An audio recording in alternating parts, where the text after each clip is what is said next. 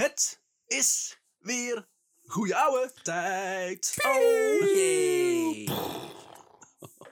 echt waar, Jos. Gaan we zo beginnen? Ja, Met een vuurpijl. luister, jij hebt mij net de belofte gemaakt dat ik aan het einde van deze aflevering klaar kom van woede. Ja. Dat is wat je let- net letterlijk tegen me gezegd hebt. Dat, is- dat is Dat is niet hoe ik normaal klaar kom, Ik dus ik, wil dit ervaren. Nee! Remy heeft Ah. een zeldzame medische. Remy heeft trouwens meerdere zeldzame Remy medische is, aandoeningen. Remy is een zeldzame medische. En ik zeg, ik praat over mezelf in derde persoon. Maar, dat- maar dat mag ik. Dat is ook een aandoening die hij heeft. Heel aandoenlijk allemaal.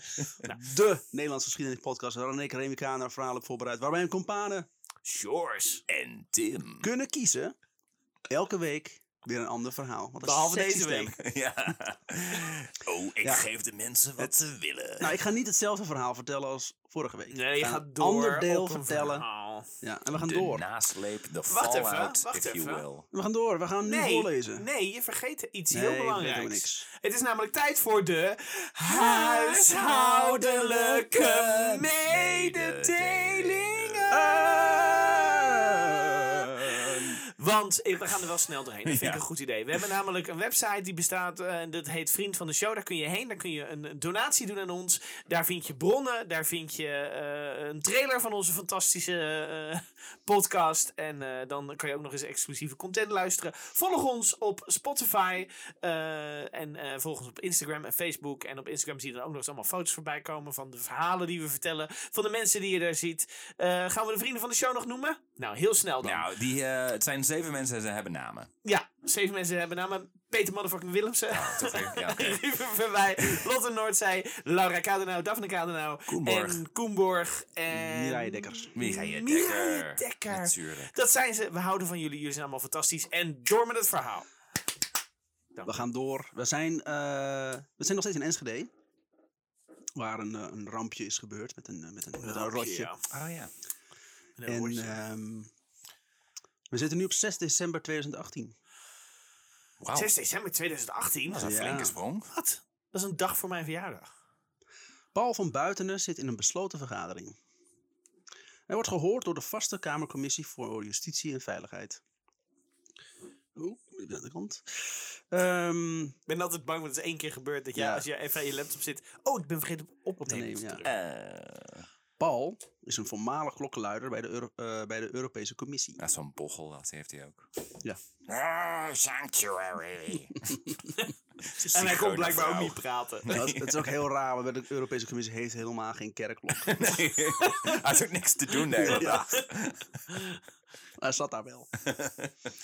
en deed, dat laatste, deed de laatste jaren onderzoek naar de ware toedracht van de vuurwerkramp. Mm. Paul is niet de eerste de beste.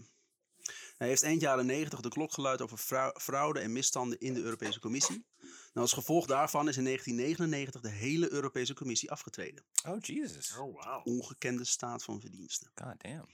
Hij is een rustige man, tikkeltje autistisch, zeer intelligent, heeft een groot rechtvaardigheidsgevoel en een eenvoudige regel. Niet politiek praten, puur naar de feiten kijken en dat jarenlang stug volhouden. Hij zet een expertgroep op voor klokkenluiders. En wordt op een dag benaderd door mensen die zeggen dat... Ik zie ze allemaal voor me nu. Ik hoorde Tim ook Oeh, knippelen. jij, jij hebt je bochel links. Ah. Een hele groep van klokkenluiders. Mijn bochel in mijn broek. Ah, godverdomme Billy, hebben ze je uitgenodigd. Het was een dag van rouw toen de Notre Dame afbrandde. Nee. Ja. Sorry. Het worden er steeds minder en al die klokken worden ook digitaal. Niks meer te doen. En daarom zet hij een expertgroep op voor klokkenluiders. Er moet iets gedaan worden. Ja, tegen al die digitale. Tegen de digitalisering van de klokken. Nee. En wordt op een dag benaderd door mensen die zeggen dat het OM gesjoemeld heeft met de vuurwerkramp. Natuurlijk. Dit gelooft hij in eerste instantie niet, omdat er ook helemaal geen bewijs voor is. Maar dan krijgt hij een dossier in handen met geheime informatie. Oh. Ah. Sorry. Oh. Echt, ik ben heel irritant actief aan het luisteren. Oh ja? Oh, oh vertel me meer. Ja, jij komt Oh, gewoon klaar van... van ja, dat is verbaasd. Van hier zijn- de ambtelijke procedures Oh. inderdaad, ja. Oh. Mm, ja. Red tape. Oh. Ja, Het is dan Ehm. geen razernij, maar...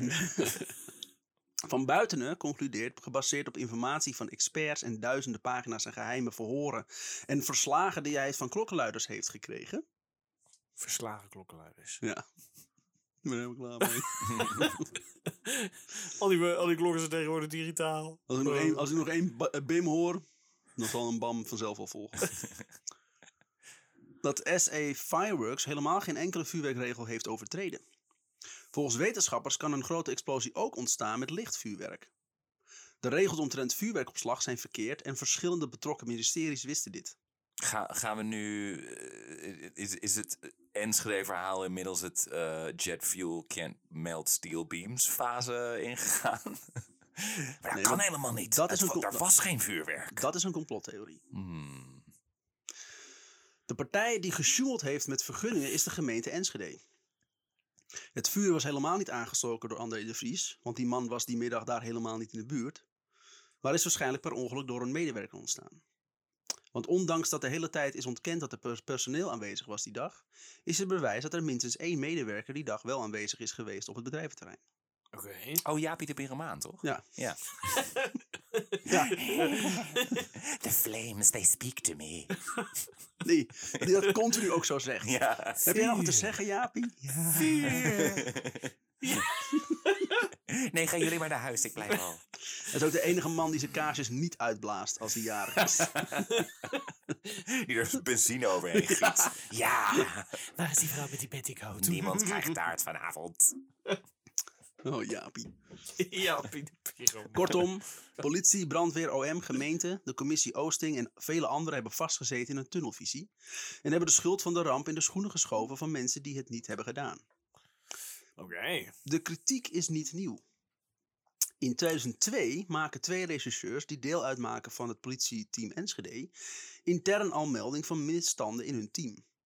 Er zou geknoeid zijn met bewijs en de rechter zou zijn misleid. Om die reden wordt in 2003 André de Vries vrijgesproken van zijn veroordeling. Oh, wow. Oh.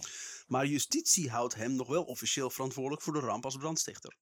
En de politie blijft hem publiekelijk neerzetten als schuldige.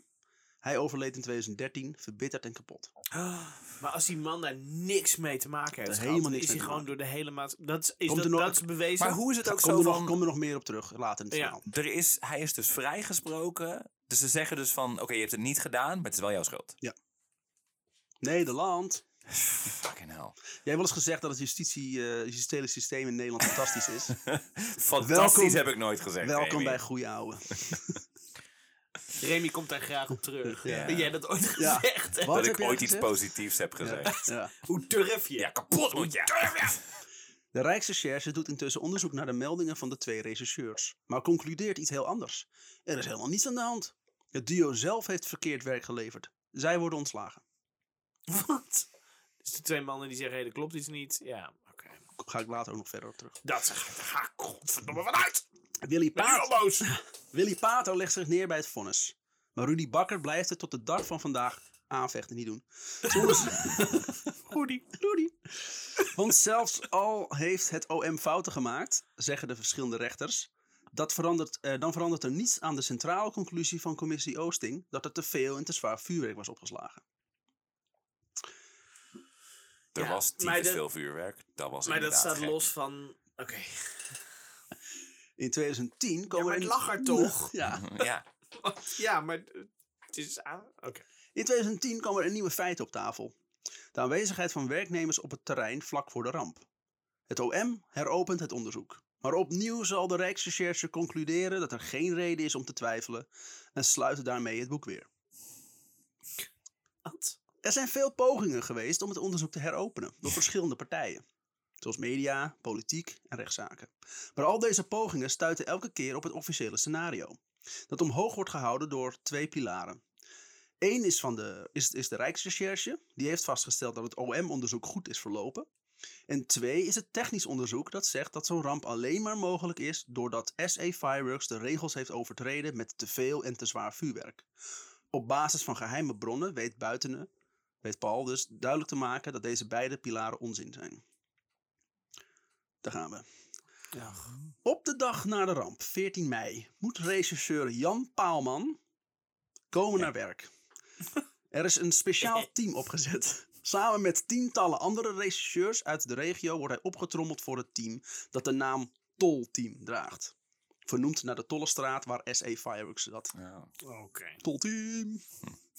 Assemble! Ja, ja, dat is een beetje het E-team, maar dan met hele depressieve regisseurs. Niet, niet zo toll. Hij gaat meteen de buurt in. Quote. De eerste verhalen zijn het belangrijkst. Wat me al direct opviel, is dat die allemaal begonnen met vuurwerk. Er is vuurwerk gecontroleerd de lucht ingegaan. Er is vuurwerk Controleerd gecontroleerd. de lucht ingegaan. Dus iemand heeft het bewust afgestoken. It's a, it was a controlled demolition. Nogmaals, het voelt heel erg 9-11. Dit. Maar dan komt hij met zijn fucking 9-11 elke keer vandaan. Ik begrijp het niet. Oké, probeer altijd overal zijn 9-11-theorie aan de man. Altijd Ja, ja. overal, je kent hem. Never forget, people. Tim Never Forget van het Hul. Ehm, controleert de lucht ingegaan vanaf half drie, kwart voor drie. Dus voor de ramp. Een man had, de met, had met de pijlen die in zijn tuin kwamen zelfs nog plantjes ondersteund. De, de stokjes, Zo van die zeg maar. stokjes, Ja. die kan ik mooi gebruiken om een plantje te Oh, handig. Nou, ja. Oh, dat zijn er Oh, wel, oh, dat zijn- oh, dat zijn er wel heel veel nu. Ploft die hele wijk. Wel jammer dat het net in mijn kloot is beland. Dat doet wel flink zeer. Johnny Dry. Na drie dagen komt er een brief aan bij het team. De brief is van minister Klaas de Vries, waarin een vooronderzoek wordt aangekondigd naar beide directeuren en naar een mogelijke brandstichter. Het team is verbaasd. Een brandstichter? Dat lijkt Paalman nogal vergezocht. Een brandstichter gaat toch niet eerst vuurpijlen afschieten? Tot ieder verbazing zien ze dat het verhaal over de pijlen niet eens meer voorkomt in het officiële scenario. Het is gewoon verdwenen uit... eh, Mhm. terwijl het daarmee begonnen is. Ja. Dat waren de eerste verhalen. Ja. ja. En hebben afgekeurde pijlen, er, er hebben afgekeurde pijlen gelegen in de werkbunker. Dat hadden ze ontdekt. Die lagen daar klaar om gerepareerd te worden.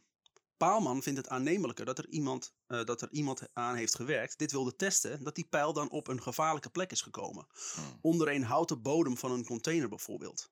Deze con- containers stonden op houten blokken. Dus er heeft iemand in een vuurwerkfabriek vuurwerk staan testen. Op, dat, in, eh, op, Op het Niet- terrein in ieder geval. op het terrein inderdaad. Ja, maar dan Dat nog. is onder... Ja. Maar er zijn pijlen afgestoken die dag. Niet doordat de brand uitbrak, maar er is gecontroleerd daarvoor Ja. is er vuurwerk afgestoken. Meerdere getuigen hebben dat eh, verklaard. Ja. Plus die man met die fucking hebben stokjes ze- in zijn tuin. Uiteindelijk in het rapport hebben ze zoiets van... Ja, maar dan wordt het allemaal zo verwarrend. En Ja. nou, laten we er dan allemaal uit. Het is ook gewoon leuk om naar te kijken, hè? Ja. Op 28 mei komen de explosie-experts van de recherche met een eerste scenario over de escalatie van brand tot explosie. En dan breekt Paalmans klomp helemaal. Hij vindt niets meer terug van houten bodems. Het gaat alleen maar over stalen containers. Als hij deze laat zien aan zijn technisch directeur, antwoordt die man met: Nee hoor. Eh, ik heb ze onderzocht en ze waren geheel van metaal. Als Paalman dan zijn eigen foto's laat zien, waarop duidelijk is te zien dat de containers een houten vloer hadden, antwoordde de man dat het NFI, het Nationaal Forensisch Instituut, dat al lang al weet, maar dat ze blijkbaar hebben besloten om dat niet in het rapport te zetten. En zegt tegen Paalman dat hij zich niet zo druk moet maken. Wat gebeurt hier? Ja. Wat gebeurt hier? Waarom moet je toch per se alle details van dit verhaal naar boven halen? Het lijkt wel alsof je bent aangesteld Als om de details Ja. van dit verhaal naar boven Ja. te houden. Ik snap wel dat je vrouw bij je weg is gegaan. Ja, Jezus, ben je thuis ook zo? Nou, nou, nou, nou, Dat nou. kan jij zeiken, zeg. We hebben het toch gewoon allemaal leuk?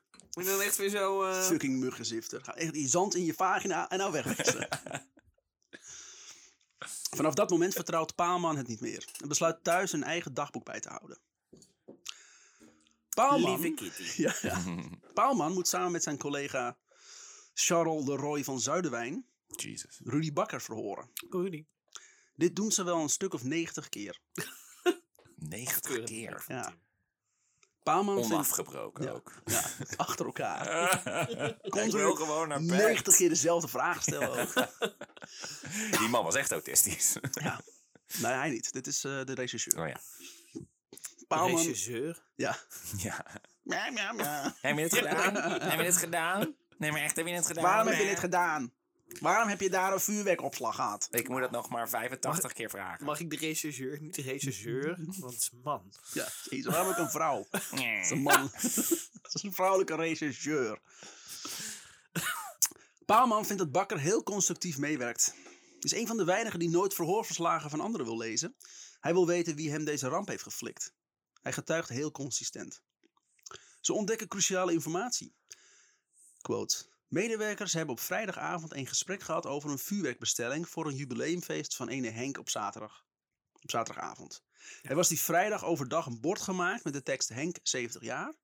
Maar daar moest nog een zinnetje bij worden gezet. Het definitieve bord zou zaterdagmiddag worden opgehaald. Kortom, er, iemand moet dus eh, nog op de rampdag van plan zijn geweest om naar, werk, om naar de zaak te gaan.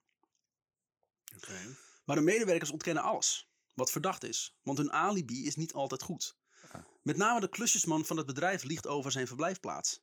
Als Paalman daarop wil dooronderzoeken, krijgen ze daar in september 2000 geen toestemming voor van de leiding. Die klusjesman was van, nee, ik was in Narnia. Oh, nee. Eh, of, ik, of, of ik op de locatie in Enschede was. Nee, ik was in Am... Nee, haal. Nee, ik was thuis. Het is wel ook met z'n allen dus. Ja, ik wil nog niet zeggen liegen, want ik ken het hele verhaal nog niet, dus ik weet het niet. Maar als we samen is opgedragen van eh Huidberg. Ja, stil. ja. Ehm, hij krijgt er geen toestemming op van, van de leiding, dus daar komt toch niets uit. Je kan ze beter afluisteren, is de opmerking die hij krijgt. Oké. Oké. Leuk die opmerking, maar afluisteren is een ingewikkeld proces met allemaal waarborgen. Ja. Het gaat maanden duren voordat ze dat kunnen uitvoeren. Dat mag je ook niet zomaar doen. Nee, dat wil Nee, ik zeggen. dit was september 2000, hè? Oh. Als dan op zaterdag 28 april, wat grappig is, want dat is 21 jaar geleden precies. ja. Ah, ah, zaterdag 28 april 2001, Oh ja. de apparatuur eindelijk is geïnstalleerd, kietelen ze de klusjesman. Kietelen ze dus. Don't help! Dat, dat, dat betekent dat je hem hele moeilijke vragen stelt en de druk opvoert. En dan hoop je dat, eh, dat hij naar huis gaat en dat hij dat dan daar met zijn vrouw gaat bespreken. En waar de afluisterapparatuur hangt. Ah. Of het letterlijk kietelen. Eén van die twee. Hele Zou moeilijke moeten liegen vandaag? Ja, oh, Wat is de wortel van? Oh, oh. dat, ja. Dat heeft toch niks met het onderzoek te maken? Ik alle moeilijke vragen stellen. Noem het getal pi op. Volledig. Eh, ik zie toch ook een soort groundskeeper Willy voor me.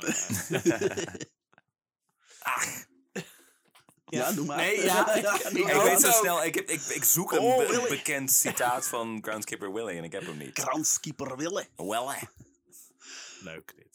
En ze voelen de druk op. Ze hopen hiermee dat hij dan thuis dit gaat bespreken met zijn vrouw. Ze zien hem het huis binnenkomen via de camera en de apparatuur wordt ingeschakeld. 2001, hè, dus die camera's waren zeker nog eh, nou, 40 centimeter groot. Ja, Hing in de heel hoek. groot. Wat is dat ding trouwens in de hoek? Ja. Ah, nee, Waarom staan er overal statieven? Zo'n tv-camera, zo'n man, zo'n cameraman. Met een koptelefoon op. Ja, zo'n boom mic. Ja, zo'n Samson aan de stok. Praten. Just act like we're not here. De volgende dag krijgt de paalman van de leiding vervelend nieuws. Och jee. De apparatuur heeft gehaperd. Er is geen opname.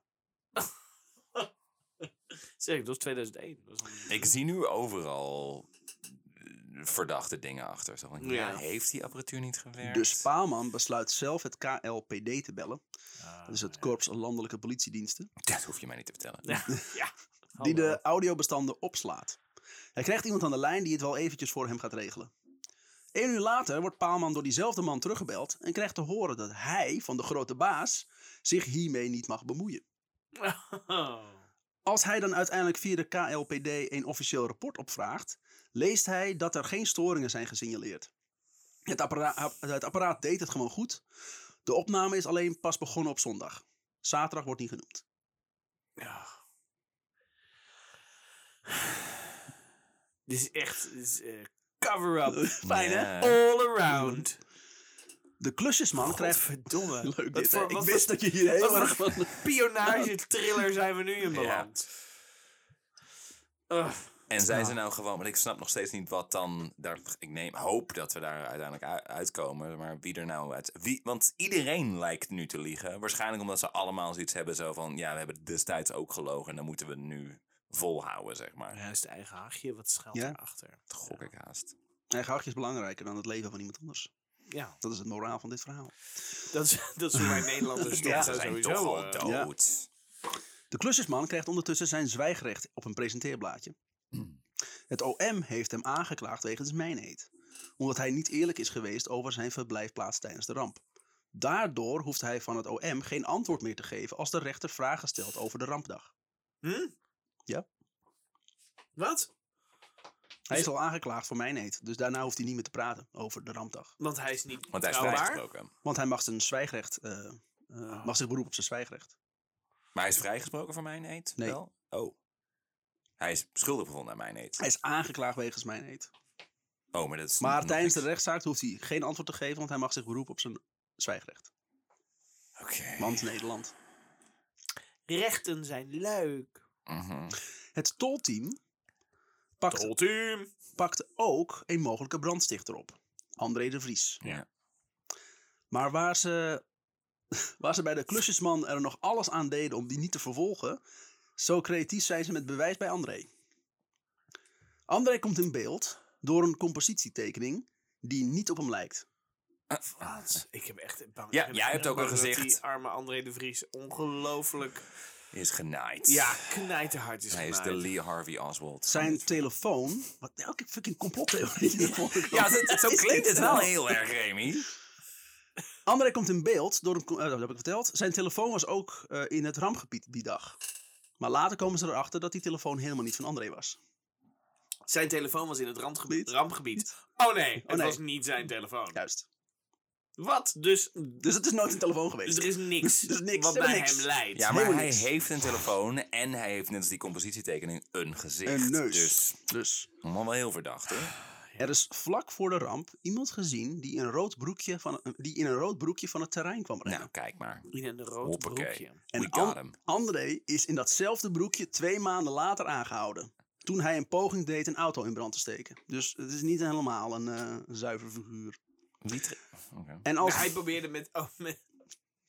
Dus hij was een auto in de brand aan het steken. met een rood broekje aan. En toen dacht de politie, hey, dat is die brandstichter. we, hebben, het?" we hebben onze zondebok. Ja. ja. En als blijkt dat het NFI op de broek eh, vuurwerksporen vindt, eh, dan is de zaak rond. Twee maanden later was ze die man dan niet? Hm? Was ze die nee, man dan die niet? dacht ik, eh, bewaar altijd deze rode broek. Doe ik het liefst niet in de was, want dan wordt het rood zo faal. Daar hou ik niet Ja. van. Hij was wel heel erg specifiek als het gaat om de kleur Ja. kleding. Net zo'n mooie souvenir van die enorme vuurwerkramp die ik heb veroorzaakt. Ja. Dat trek ik nog graag aan. Maar volgens Paalman gingen er op het moment van het onderzoek twee rode broekjes rond op de afdeling. Het is gewoon heel gek. Paalman en zijn twee rode broekjes. Ik weet niet, ik vond het grappig. Ik vind sowieso het woord broekje heel soort van Ja, problematisch. broekje. leuk, hè? Dit is vooral Broekje. kier. Dit is vooral Mm. verkleining. Ja. Eh, Hoe klein was het broekje? Ja, het klinkt als, als Heel strakke. short shorts. Short shorts, ja. Mm. Booty shorts. Oh. Sta je even Ehm, voor Paalman. Ehm, ja, volgens Paalman gingen er op dat moment van het onderzoek twee rode broekjes rond op de afdeling. Zijn er, Kunnen we het gewoon broeken noemen? nee, zijn er grapjes mee uitgehaald. Grapjes ook? Oh. Nee, Met, er- met bewijsmateriaal. Ja, met ba- materiaal. Hilarisch. Oh. En André heeft na zijn arrestatie in een auto gezeten die vaak in het rampgebied kwam. De auto zelf en de achterbank is zelf de bron van vuurwerksporen. Geen wonder dat je dan sporen vindt op het zitvlak van de broek. Ja, want eh, vrijwel heel Enschede heeft vuurwerksporen. De hele stad is verdacht. Ben je al- ben je They blij? all did it. Ben je al boos, Jos? Ja. ja, ik ben al boos, ja. Godverdomme. Paalman en de Roy van Zuiderwijn zetten samen in 2002 al hun bevindingen op papier. Dat zorgt ervoor dat het strafrechtelijk onderzoek naar André de Vries nietig wordt verklaard. En ze krijgen van de rechter de complimenten dat ze zo onafhankelijk hebben gehandeld. Oké. Dat hebben zij dus gedaan. Mhm. Maar het OM is niet zo blij met de starre houding van de mannen. En start een disciplinair onderzoek tegen het duo, aangezien ze een attitude-probleem hebben. Ze doen hun werk zoveel en zo. Ze doen het zo, zo eh, Ze onderzoeken- onafhankelijk en bevoor, onbevooroordeeld. Ja. Onderzoeken ons. Dat kunnen we niet hebben. Nee, Ja, maar hoe is het? functie elders. Eh, Dit onderzoek wordt geleid door Bureau Interne Zaken, het BIZ. Van de politie... Showbiz. Ja, van de showbiz. Van de politie Gelderland Midden. Daar krijgt het een nogal onverwachte wending. De onderzoekers doen de ontdekking dat Paalman en de Roy gelijk hebben. En dat, eh, en dat het OM waarschijnlijk de, quote, de rechterlijke macht heeft misleid. En dat de politie misschien zelf schuldig is aan mijn eet en valsheid in geschriften. Ik wil, ik wil er meedoen deze keer. Burgemeester Jan Mans neemt direct contact op met minister, Ach, Jan Mans, ik miste hem al. Gelukkig, nu komt. alles goed. ja, met minister Piet Hein Dunner. En die geeft de Rijksrecherche de Volgens mij was het Donner, maar ik keur Dunner. hem goed. Dunner. Piet Hein Dunner. En die, eh, en die geeft de Rijksrecherche de opdracht het onderzoek voor te zetten. Hij heet Donner, hij nou, maar ik vind Dunner gewoon leuker klinken. Hij maakt zich niet dik. De Rijksrecherche is een onderdeel van de politie dat onder rechtstreekse bevoegdheid valt van de OM-top. Dus de mensen die fout zijn. Ja. Wat, wat, kan- wat zou er kunnen gebeuren? Ik weet het niet, Remy. Het onderdeel wordt ingeschakeld wanneer ambtenaren mogelijke strafbare feiten hebben gepleegd. En ze gaan voortvarend aan de slag. Ze nemen verhoren af, doen onderzoek en concluderen dat er niets aan de hand is. Fijn. Het onderzoek van het BIZ krijgt niemand te zien. Of officiële uitspraak was, je moet je bek houden. Ja, de BIZ zei dus van er zijn misstanden, Ja. maar het onderzoek krijgt niemand te zien. En Paalman en de Roy worden geschorst op grond van ernstig plichtsverzuim verzuim en onbekwaamheid. Maar hoezo dan? Wat en, Waar, hoe beargumenteren ze dat? en wie zijn... Plichtsverzuim. Dat komt nog. Maar wat wil je zeggen, George? Niks, Remy. ik wilde niks zeggen. En daarmee wordt het onderzoek van de vuurwerkramp met één klap gesloten. Oh. bedoel, 2002, plicht- hè? Was het we- omdat ze eigenlijk 2002. kantinejuffrouw waren allebei? Ja. Zo van, hé, hey, eh, het is allemaal wel mooi wat jullie hebben Ze uitgevonden. deden totaal... Waar zijn mijn kipnuggets? Ja, Oh, oké. Nee, dat Ze snap ik hadden totaal niks te maken met Met een het heel onderzoek, ja. onderzoek. Ze mochten Ja. helemaal geen onderzoek doen. als in 2014 er bij Paul een tas vol dossiers aan de deur Ik hangt, kan een hoop tijdsprongen. ja, ziet hij dat dit het complete rapport van de politie Gelderland Midden en van Rijksrecherche is uit 2004. We hebben een deep throat, mensen. Inclusief alle onderliggende bijlagen, processen verbaal en getuigenverhoren en delen van het vervolgonderzoek van 2010 en 2012. Paul zegt over deze zaak, quote, Deze zaak is groter dan alle fraude die ik in Brussel heb gevonden. Dat waren losse zaken, liflafjes. Dit is één grote doofpotaffaire. Ja. Paul krijgt toegang tot nog meer bronnen, zoals geheime verklaringen van brandweerlieden. Daaruit blijkt dat Oh, beide rechercheurs gewoon gelijk hebben gehad. Het is volgens mij ook veel te laat voor een doofpot. Met, eh, met, de, met de vuurwerkramp in Enschede. Als die destijds hadden gehad, oké. maar nu? Ja. Nou, was dat gewoon gedoofd. Daarom. Dat hadden we nodig. Ja. Maar nee. Het was altijd, altijd gemeente, al die kutambtenaren, altijd te laat met zo'n fucking Oh doofpot. Ja, ja, het was, het was, eh, het was hemelvaartsdag. dus, eh, lag op zolder onder het stof. Het was allemaal verdoofd. Het duo heeft in, al in mei 2002 een persoonlijke brief gestuurd aan de korpschef. Deze was nog niet compleet en nogal emotioneel van aard. Die stukjes tekst, eh, dit stukje tekst zal bekend komen te staan als de mei-memo. Hun korpschef blijkt dit document te hebben doorgestuurd naar het OM. Om precies te zijn, naar de, te, te zijn de aanklager die verbonden is aan het gerechtshof in Arnhem, advocaat A. Welschen. Dat de beide rechercheurs later nog een formele versie schrijven, het proces verbaal, in proces verbaal, waarin wordt uit, uiteengezet wat er niet deugt in het team, wordt niet doorgegeven. Dus ze hebben gewoon dat kladje hebben ze doorgestuurd naar de advocaat. En het officiële document, wat in proces verbaal is geschreven, Ja. hebben ze niet doorgestuurd. Nee. Welschen verdraait eh, beweringen en slaat sommige kritiekpunten gewoon over uit de brief. Natuurlijk. En hij doet zijn best om het document met bezwaren buiten de rechtszaal te houden. Waarom is er zoveel geld bij gemoeid? Dit gaat toch om geld, dit? Ja, nogmaals, volgens mij, verantwoordelijkheid. ja, volgens mij zijn er gewoon heel erg veel mensen de lul als het blijkt hoe het eigenlijk Ja. is Er gegaan. zijn te veel mensen bij.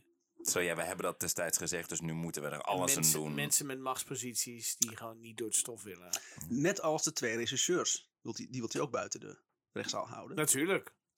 Ehm, even kijken hoor, waar ben ik nou? Ja, hier.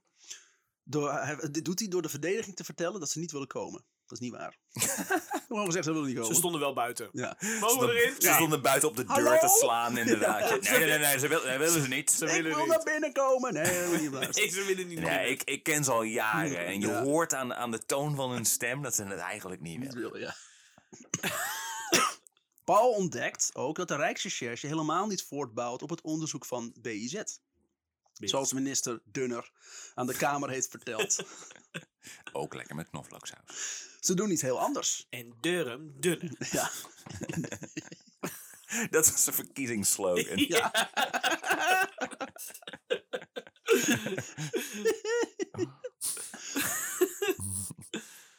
Maar eh, ze, ze- ze- ze- ze gaan dus niet verder op het onderzoek wat het BIZ al gedaan heeft. Ze beginnen niet bij het BIZ-rapport, Nee. of bij de regisseursduo, Nee. of bij de medewerkers die worden verdacht van mijnheid. Mhm. Maar ze beginnen bij advocaat-generaal Welschen. Ze gaan eerst zijn wankele weerlegging van de memo, memo bestuderen. Uit stukken blijkt dat de Rijksrecherche meer is geïnteresseerd in mogelijke foutjes bij Paalman en de Roy dan in de onderliggende kritiek. Ah, kijk nou hoe ze die brief geschreven hebben met pen. Ah, losers. Zie ik daar een, een druppel en een traan? Wat een sneu. Ze onderzoeken dus niet wat het tolteam werkelijk heeft gedaan met, met het rode broekje. En of de, of de rechterlijke macht misschien is misleid. Maar of de beweringen van het duo wel exact kloppen. En of de rest van het team het daarmee eens is. Oh ja, want, want feiten kloppen pas als iedereen het ermee Ja. eens is. Dat is hoe het Zeker. werkt. Dat werkt zo werkt Zeker het, de toch? daders. Ja, ja. Je moet eerst aan de daders vragen of wat de, Ja. aan- a- de aanklacht wel klopt. Ja, zij zeggen van niet. Ja, dus eh, eh, ja, eh, we zullen het nooit weten. dat laatste blijkt niet zo. Want iedereen roept wat anders. Oh! Waarop de Rijksrecherche concludeert, quote, niet gereconstrueerd kon worden wat er precies is gebeurd en dat er geen bewijs is om te twijfelen aan het onderzoek van het tolteam. Het is letterlijk, we zullen het nooit weten. Ja. Dat zei ik net. Ja. Zat jij daar? Ja. Ja, klopt, ja. Ja. maar dat zeggen hij en dan zijn andere mensen zeggen weer wat anders en het waarheid ligt ergens in het Zal midden. altijd blijven ontslagen. gang, ja. Dan kun je nou maar allemaal gaan zitten uitpluizen, maar... pff, Mensen die echt iets kunnen zeggen over de misstanden worden overgeslagen. Officieel omdat ze voortbouwen op het, B- op het rapport van het BIZ, maar dat doen ze dus niet, die die getuige al heeft eh, gehoord. Dus, dus, dus zeg maar, dat, dat gebruiken we niet. En Ja. mensen die daar dus verder op voortborduren of daar iets mee hebben, daar gaan we maar helemaal niks mee doen Nee, ook. Die helemaal gaan we niks. gewoon helemaal... negeren. Ja. Ja. Want dat is hoe we een goed onderzoek. Maar eigenlijk veegde de Rijksrecherche het onderzoek van het BIZ van tafel. ja, natuurlijk. Dat is niet gebeurd. En we mogen het ook niet inzien. Paalman en de Roy Bouwman en de Roy. worden neergezet als gefrustreerde agenten die eigenwijs zijn, maar helaas niets kunnen waarmaken van hun beschuldigingen. Sindsdien geldt dat het rapport als bewijs dat het OM geen grote fout heeft gemaakt. Wat doet, Maar De- niemand mag het onderzoek inzien. wat doet de media hierin? Dus zeg maar, ik want heb er hier wordt, niks van gehoord. er wordt hier allemaal zooi, zeg maar, Dit, neem ik aan, naar buiten overgebracht. bron- bronnen komen nog duidelijk. Dus dit onderzoek is gaat gewoon open. Ja. Maar hij mag het niet officieel presenteren, want dan wordt hij aangeklaagd voor mijnheid. Maar de informatie is gewoon inzichtelijk. Oké, dus maar verder is alles, blijft alles intern. Dus geen kranten, er wordt hier geen verslag over gedaan. Er wordt... Ik heb het, uit- ik heb het uit de groene. Maar mijn eet is toch ook dat je in een rechtszaak Sorry, eh ligt? plagiaat. Oh, Nee, sorry, eh, wat zeg ik nou? Eh smaad, dat is het woord. oh, oké. Dus als hij dit officieel publiceert en, en, en openmaakt, dan krijgt hij eh, eh, Smaad. Maakt, die smaad aan zijn mensen, broek. maakt die mensen zwart, Ja. zogenaamd. En niet met vuurwerk. Oh. ik dacht hem ook net. Palman en de Roy worden neergezet als gefrustreerde agenten die eigenwijs zijn, Ja. maar helaas niets kunnen waarmaken van hun beschuldigingen. Sindsdien geldt dit rapport als bewijs dat het OM geen grote fouten heeft gemaakt, maar niemand mag dit onderzoek inzien. Zelfs als een rechter later het BIZ-onderzoek wil zien, krijgt hij een afwijzing van zowel het OM als burgemeester Mans. Reden? De Rijksrecherche heeft gezegd dat er niks aan de hand is, dus de documenten zijn niet relevant. Iemand een asperge? Ja. Uh, stelletjes in asperges. Had burgemeester Mans, nee, nee, nee. had burgemeester Mans überhaupt inspraak hierin? Want die komt ineens uit het dik. Nee, dat mag niet! Ja, hij gaat erover of, of dat onderzoek Oh. ingezien mag worden. Als Paalman die samen met onderzoeksjournalisten in 2010 nieuwe feiten boven tafel krijgt, wordt er opnieuw een feitenonderzoek ingesteld. Daar wordt een paar jaar voor uitgetrokken. Dat de onderzoeksvragen worden door de OM-top steeds verder versmalt en steeds bij een ander team gelegd. Uiteindelijk staat, staat niet meer centraal of het OM goed werk heeft geleverd, maar of bepaalde details wel of niet te bewijzen zijn. Ja, en hoe langer je wacht, hoe waziger Ja. shit wordt. Hmm. In de informatie van Paalman, Paalman hebben ze geen interesse. Nee. Dus er is nieuwe informatie waarop het onderzoek opnieuw wordt ingesteld. Een- Dus te openen een nieuw onderzoek vanwege die informatie, maar we willen die informatie niet zien. Maar, Het is uiteindelijk, het is ook wat je zegt, van de, de, de, de, de insteek van het hele proces is langzaamaan steeds meer veranderd. Dat het niet eens meer gaat over wat er nou precies gebeurt, maar inderdaad welke feitjes en welke regeltjes Ja. zijn er eventueel. En waar mag je wel en niet naar kijken. Het insteek is, OM heeft eh, bewijs, met bewijs gesjoemeld. Mhm. En heeft dus aan de hand van dat bewijs eh, mensen eh, vervolgd. Ja. En rechters misleid. Dat is de, dat is de hoofdzaak. Maar daar kijken ze uiteindelijk Maar niet daar eens kijken ze niet Nee. Het gaat er nooit om in welk voor lettergrootte je het rapport hebt geschreven. Het is een beetje als wat, wat de, de, ik weet niet of jullie ehm The People versus OJ hebben gezien. Ja. Zeg, Ja. die Ja, ja, ja. reconstructie daarvan. Want ik, heb dat, dus, ik was er destijds te jong voor, ik heb dat niet zo meegekregen. Maar de, maar de serie wel. Dus dat je ook ziet daarbij dat het op een gegeven moment helemaal niet, eigenlijk niet meer gaat in het proces over... Heeft O.J. Simpson nou twee mensen vermoord? Ja, dan wel nee. Maar meer van... Is, is de LAPD ertoe in staat om zwarte mensen Ja. te, eh, er, er, erin te luizen? Ja. En als dat zo is, dan is die Het onschuldig. was helemaal geen moord, moordtrial meer. Het was Uiteindelijk gewoon- gaat het, eh, ging de, Ja. de, de, de LAPD was uiteindelijk on trial. En ja, daar kwamen ze nou helemaal niet zo en goed uit. het publieke opinie werd op een gegeven moment veel belangrijker. Ja, Dat- maar dat- precies. Maar het is dat- langzaamaan dat je uit het zicht verliest waar, de, waar het proces nou precies om Die draait. zaak was zo absurd. Dat was ook een van de grootste, eerste eh, zaken die op tv kwam. Ja. En de jury ging op een gegeven moment op lang- eh, langs in dat huis. Ja. Waar ze wel wat helemaal niet mag. Dat is ook een heel ander verhaal. Ja, Maakt niet uit. Maar Sorry, we absurd. dwa- we dwalen af van de... Nee, ja, ik af. moet er heel erg aan, aan Want, denken eh, want inderdaad. Tim komt weer met een complottheorie over O.J. Simpson. Dus, Nee, ik eh, moet er heel erg aan denken, omdat ze op een gegeven moment zo van... Ja, maar waar gaat dit nou eigenlijk precies over? Maar dat is waarschijnlijk by dat is dat. design. Zo van, laten we het over alle andere dingen gaan hebben. Ook omdat er zoveel poppetjes bij zijn. Er zijn zoveel mensen die blijkbaar ooit eens ergens een handtekening onder hebben gezet. Of iets hebben goedgekeurd. Of iets door de vingers hebben gezien. En dat moet allemaal gecontroleerd worden en Ja. Voordat we überhaupt het kunnen gaan hebben over of het OM nou heeft gelopen Ja. of niet. Ben, ben ik de lul? Daar gaat het om. Ben ik de lul als we dit gaan openen? In 2012 vraagt het college van procureurs-generaal of de Rijksrecherche het onderzoek wil afronden. En of ze daar dezelfde mensen op kunnen zetten als in 2004. Dus de Rijksrecherche mag zichzelf controleren. Wat? Fijn. De conclusie luidt: er kan niet worden bewezen dat er iets is verkeerd gegaan. En wij zijn fucking aantrekkelijk, stond er ook in. Ja. Want ik bedoel, als je je eigen... En dan komt altijd boos klaar. Ja. Komt er altijd onder. Oh ja. In, in een andere kleurpen, dat wel. Het verhaal van de rechercheur. En ik ben nooit vreemd gegaan. Het verhaal, is heel persoonlijk. het verhaal van de rechercheurs is niet, is niet eens alles. Paul ontdekt dat bij het tolteam wel vaker de rechterlijke macht is misleid. Het onderzoek naar oud-medewerkers is maar half gedaan. Het onderzoek naar eh, het lakse vergunningenbeleid van de gemeente Enschede. eh, het, het dossier was eh, ineens zoek toen de rechter eh, het bij het tolteam opvroeg. Het is gewoon verdwenen. Oh, Dat gebeurt wel vaker, hè? Ja.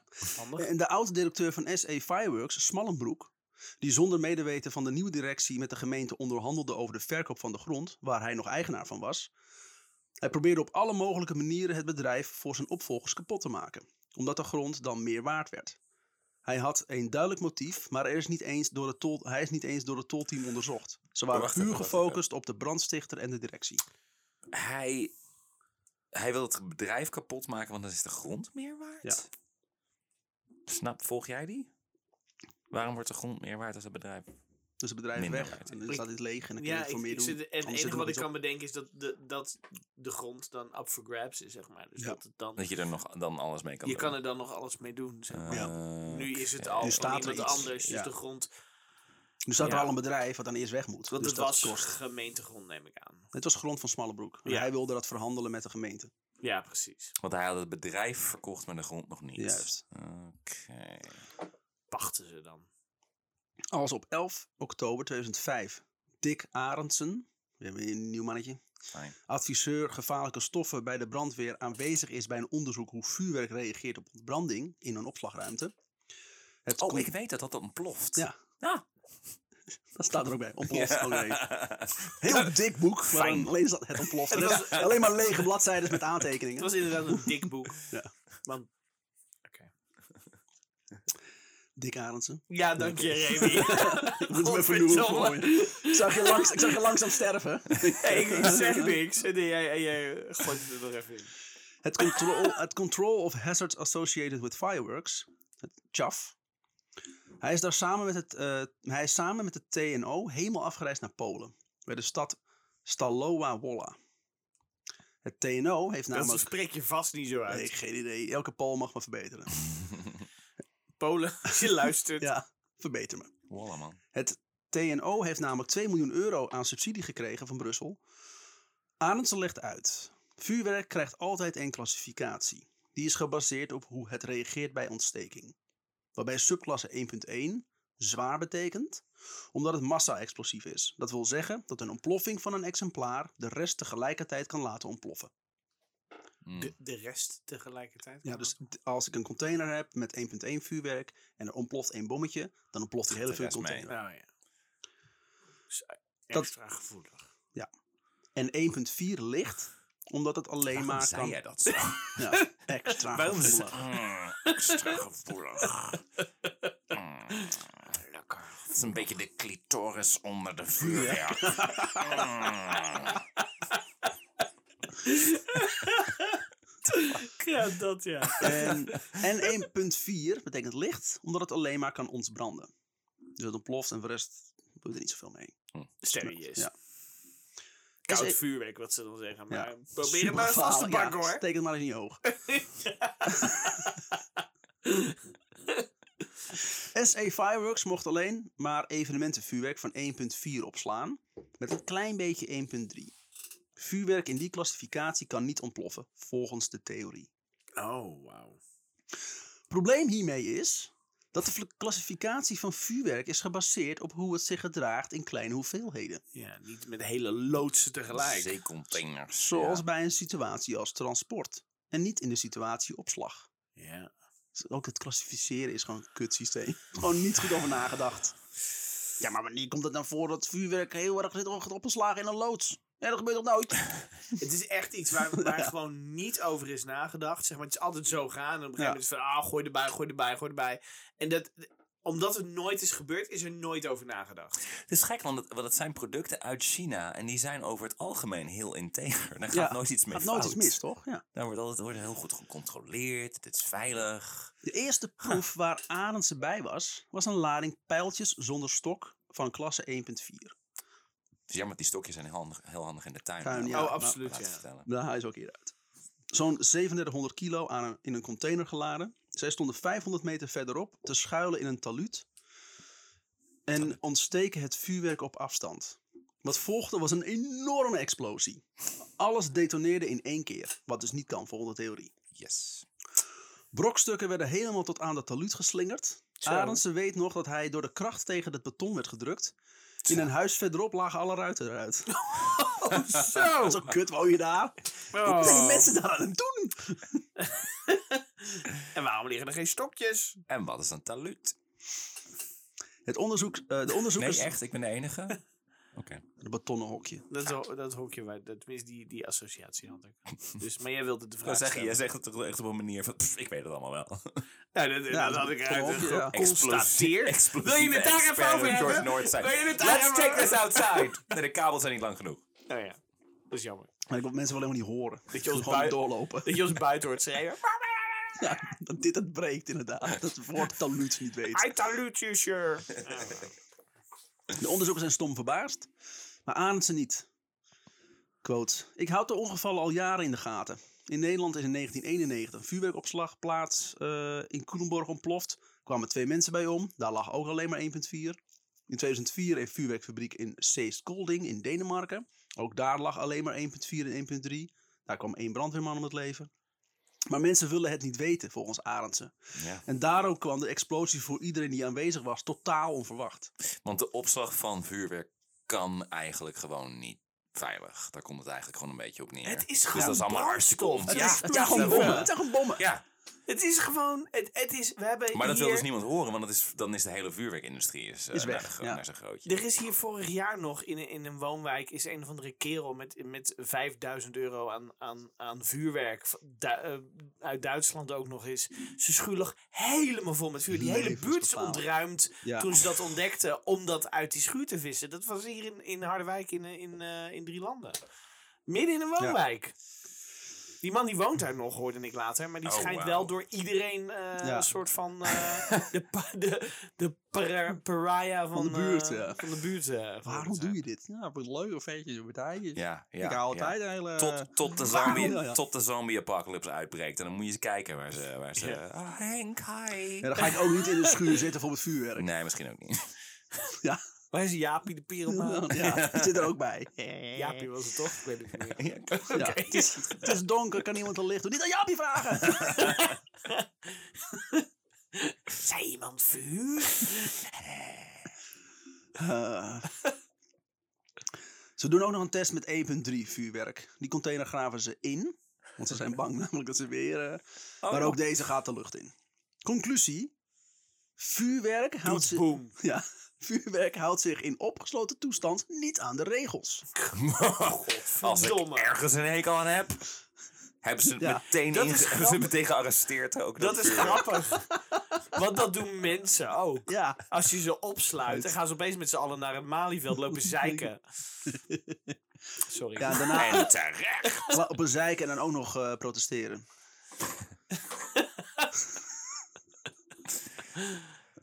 Maar goed, we, hoe, hoe lang, wanneer, wanneer was vuurwerk ook weer precies uitgevonden? Fucking 200 voor Christus. 200 voor Christus. En we zijn er nu pas achter gekomen dat, oh hé, eh, die explosieven die exploderen. Omdat een of andere klunzige kutkok...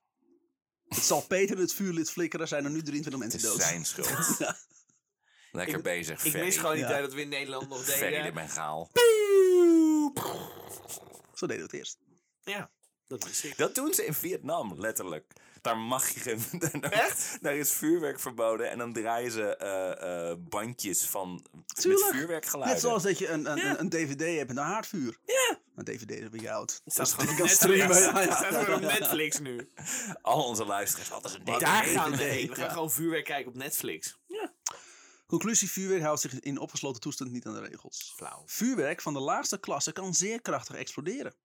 Maar tot aan zijn grote verbazing stelt TNO echter in de persverklaring over het onderzoek dat er geen nieuwe inzichten voor de vuurwerkopslag in Nederland zijn Want verkregen. dat weten we allemaal al lang donders goed. dus niks nieuws. Het is er niet normaal. We willen er gewoon niet aan. Nee. Waarom Nee. beschermen we dit? Geen idee. Traditie. Ik weet niet wat voelt voor mij echt. Traditie. Het is voor mij echt wat, de- wat ze in We doen Amerika al doen, met 12 jaar. wapens, zeg maar. Zo van, we weten hoeveel mensen er doodgaan. Ja. We weten, Maar we het- weten... Een onderzoek doen en dan verwachten dat een bepaald resultaat komt. En als dat er niet uitkomt, dat hele resultaat negeren. Maar wij kijken, alle, wij kijken allemaal naar Amerika en dan zeggen we... Ah, die Mongolen Nee, met wapens, lees... eh, eh, we weten allemaal dat het gevaarlijk is. Maar ze blijven er maar mee doorgaan. Het is nog Zullen we trouwens erger. nog even... Even. Het is nog erger, want wij hebben hier geen NRA voor vuurwerk. Dus Dus nee. Domme. Er zijn hier er zijn een aantal fietsenmakers die vuurwerk verkopen en die winnen gewoon altijd. Oké. Ah, oké. En ook in het onderzoeksrapport eh, is. eh sorry, even terug. Maar tot Arends grote verbazing stelt TNO echter in de persverklaring over het onderzoek dat er geen nieuwe inzichten voor vuurwerkopslag in Nederland zijn verkregen. En ook in het onderzoeksrapport zelf is deze ontdekking verstopt. Verstopt. We hebben geen nieuwe inzichten gedaan, want we hebben dat namelijk gewoon niet gelezen. Nee. Dus, eh, nee. Er wordt vermeld dat de onderzoekers zeer verrast waren door de kracht waarmee 1.3 vuurwerk explodeerde. we, we maar- kijken ervan op, maar dat is niet zozeer een nieuw inzicht. Maar de 1.4 explosie, de explosie die iedereen zo had laten schrikken, krijgt weinig woorden. Ik heb Nou. het gewoon niet genoemd. Nee. De, onderzoeker, de onderzoekers vermelden wel dat die explosie is gebeurd. Maar dat was niet verrassend, want tussentijds de test hadden uitgewezen dat de pijltjes toch tot klasse 1.1 behoorden. Na, na afloop, na Ja. de explosie. Na de dat is explosie, dus kennelijk ja. één 1.1. Ja. Jezus. Maar alleen die pijltjes. Alleen, ja, die alleen we die net pijltjes, hebben. ja. Ja. Alle andere pijltjes zijn oké. Maar dat kwam omdat we de stokjes er niet bij hadden. Ja. Die dempen normaal. Die Dan stokjes, vraag je er zijn, ook om. ja, die stokjes zijn van cederhout en die dempen Ja, de... Zederhout inderdaad. Blijkbaar was de samenstelling toch net anders dan de pijltjes die waren gebruikt in de voorstudie. Hmm. Intussen was er bij de brandweer al commotie ontstaan over het onderzoek. Brandweerofficier Piet van Beek beschrijft, quote... In Nederland wordt namelijk nog steeds gezegd dat je brand bij vuurwerk van klasse 1.4 moet bestrijden als een gewone brand. Je mag tot 25 meter naderen. Maar dat is levensgevaarlijk. Yep. Uitquote. Er ontstond een crisis tussen de veiligheidsregio's en het ministerie van Binnenlandse Zaken. Dit conflict werd gesust door een brief van minister Johan Remkes, die onder andere uitlegde dat 1.4 vuurwerk verkeerd geclassificeerd was. TNO had dat wel opgemerkt, maar had in Polen geen tijd meer gehad om te stickeren. Ja, sorry hoor. Maar Ja, hoe belangrijk is maar- veiligheid nou eigenlijk? Ja, en het onderzoek, en het onderzoek nemen we wel serieus, maar zo serieus, waarom, waarom zouden we dat doen? Ik bedoel, eh, het gaat over TNO, we hebben het hartstikke druk. Ja. Mongolen. Fucking. Arendse is het niet eens met deze woorden. Quote. Geklets. Ik heb het vuurwerk zelf ingeladen. Daar heb ik foto's van. Daarop zie je dat, dat het vuurwerk is bestickerd als 1.4 met het logo van TNO erop. En de samenstelling is, is exact bekend. In percentages. Dat is onderzocht. Er waren zelfs inspecties in de fabriek in China gedaan om zeker te weten dat het vuurwerk op de juiste manier was gemaakt. Dus het wordt allemaal, het is allemaal gelul. Alle vlakken wordt er gewoon Het wordt gewoon, in de doopot geduwd. godverdomme. Volgens Piet van Beek worden er feiten achtergehouden. Is die brandweerchef. Er zijn, er zijn, ik weet niet, de, wat was het, 1200 mensen dakloos. Er zijn in de 900 mensen zijn gewond geraakt. Er zijn 23 doden gevallen. en, En, we hebben het over stickers op een en doos. we lopen allemaal te zeiken. Nee, want mensen zijn bang voor Nee, maar... Maar het is dus niet Ik alleen ga maar... zo echt klaarkomen voor me. ja, oh, I'm close. Oh, I'm close. ik zei het, ik zei het je. Maar het is dus niet, want we dachten eerst, tenminste dat echt, dacht ik eerst, want we hebben destijds gewoon, het gewoon slecht onderzocht of wat dan ook. En ze zijn zich nu allemaal aan het indekken. Maar het is, Ja. er speelt iets veel groters. Het is gewoon de vuurwerkindustrie in het, Ja. in het, in het algemeen. Zo Ja. van, als we nu erkennen dat dit fucking gevaarlijk was, dan zijn al die andere vuurwerkhandels en fabrieken en Dat is zo ook gevaarlijk. ook ja. allemaal fucking gevaarlijk. Ja. En dan moeten we daar, en dus daar hebben we geen zin in. En die kunnen we dan nu veilig gaan maken. Nee. Maar we gaan nog, we gaan dat nog is zoveel verder. gedoe. We gaan Dit is, dit verder. is gesprek voor na de aflevering. Neem me mee. Volgens Piet van Beek worden er feiten achtergehouden. Nee, Enschede. Daardoor worden brandweerlieden nog steeds naar gevaarlijke situaties gestuurd. Met verkeerde blusinstructies. Ja. In sommige situaties moet je juist helemaal niet blussen. Zeker niet met water. Nee, dat is wat we net zeiden. Precies. Vorige aflevering. Want dat is een explosie. week geleden. Ja, want dat is explosiegevaarlijk. En daarom ook in veel landen verboden. En die chemie snap ik dan niet helemaal. Maar ik weet dat het zo is, zeg maar. maar Mm. Wordt nog uitgelegd. Oké. Het is niet voor niets dat de directeur in Enschede de brandweermannen vroegen om van de containers af te komen en om de containerdeuren dicht te laten. Vanwege het gevaar. Ja, maar, de brand, zuurstof ook natuurlijk. maar de brandweer weigerde het te luisteren. Maar ook omdat zij protocollen hebben waarin staat van... nee, dit moet je doen. Je moet, je moet er gewoon Maar pro- protocollen schrijf je voor een, elk, elke brand, elke, elke situatie is anders en daarvoor heb je die protocollen. Als je weet dat je naar een vuurwerkbrand moet, dan moeten die protocollen kloppen. Als je gaat blussen, Nee, maar dat is mijn punt. Die protocollen klopten dus niet. Ja. Dus zij deden in principe wat hun wa- wa- was opgedragen. en daarvoor kun je ze niet vervolgen, want het is een exclusieve taak. Ja, en ze zijn er zelf hartstikke kapot aan gegaan. Dus, Ja, er zijn er maar vier mensen overleden. ah, Vanaf dag 1 van het Maar- onderzoek was Maar vier mensen. brandweerlieden, Remy, ja. Dat zei jij. Ja. Omdat ze op de container stonden met explosieven. Dat ze dachten, ah, kan niks misgaan. Maar omdat hun dus was geleerd van... dit is oké, want het is maar... Ja, maar je, je, je leest toch, er staat op die container staat dat er explosieven in liggen. ja, nogmaals. Ik, denk, ik, ik geloof niet dat deze brandweerlieden hier schuld aan hadden. Dankjewel. Het echt het systeem wat ze vertelt. Ja, je moet dit doen, want dit is allemaal oké. Ja, de, brand, de brandweerlieden aan zich niet, maar de brandweer zelf Ja, zeker Ja. weten ja, wel. ja, ja, nee, dat wel. Dus ze werden erop afgestuurd en ze dachten het. dat er een papieropslag zat. Maar dat, Ja. is, maar dat is wat ik zeg. Die mannen zelf, die zijn er naartoe Nee, gestuurd. precies. Zo van, ga Ja. dat doen. En, en, en, en vervolgens wordt er ook nog tegen die, tegen die ene man gezegd van... je moet je bek houden, wij zijn bezig met ons werk. Ja, dat is Rudy Bakker, dat is die eigenaar. Rudy, ja. Die, die zei van, je moet, je moet van die containers af. Ja. Of sowieso, mensen moeten hier weg, Ja. want dit gaat, dit gaat mis. Ja. Vanaf dag 1 van het onderzoek was men al voor ingenomen. De politie beweerde bijvoorbeeld dat de, bevo- dat de voorraadberekening van SE Fireworks samen met de gehele administratie verloren was gegaan bij de brand. Maar dat is onzin. Paul heeft alles thuis staan. En daaruit blijkt dat ze zich hielden aan de vergunning. Eh, wat? Wat? Wat? Als in, ze, ze hielden zich aan de... De vergunning, daar hielden ze zich gewoon aan. Dus. Maar waarom was er dan vanuit gegaan dat die zooi allemaal vergaan was en dat ze daar niks op konden terughalen? Omdat ze dat gewoon verzonnen hadden. Maar, Ja, Ja. want waar we nu dus pas achter zijn gekomen is, ze hebben allemaal gezegd zo van, ja, maar wat wij hebben gedaan klopt met de regeltjes. En dat is ook zo, omdat de regeltjes voor geen meter Ja, kloppen. klopt. Dat is het. Maar de politie gaat een eigen voorraadberekening maken. Zonder de hulp van de externe accountant van het bedrijf. Daarom heb je die ook nodig. Laten Onder- we wel wezen.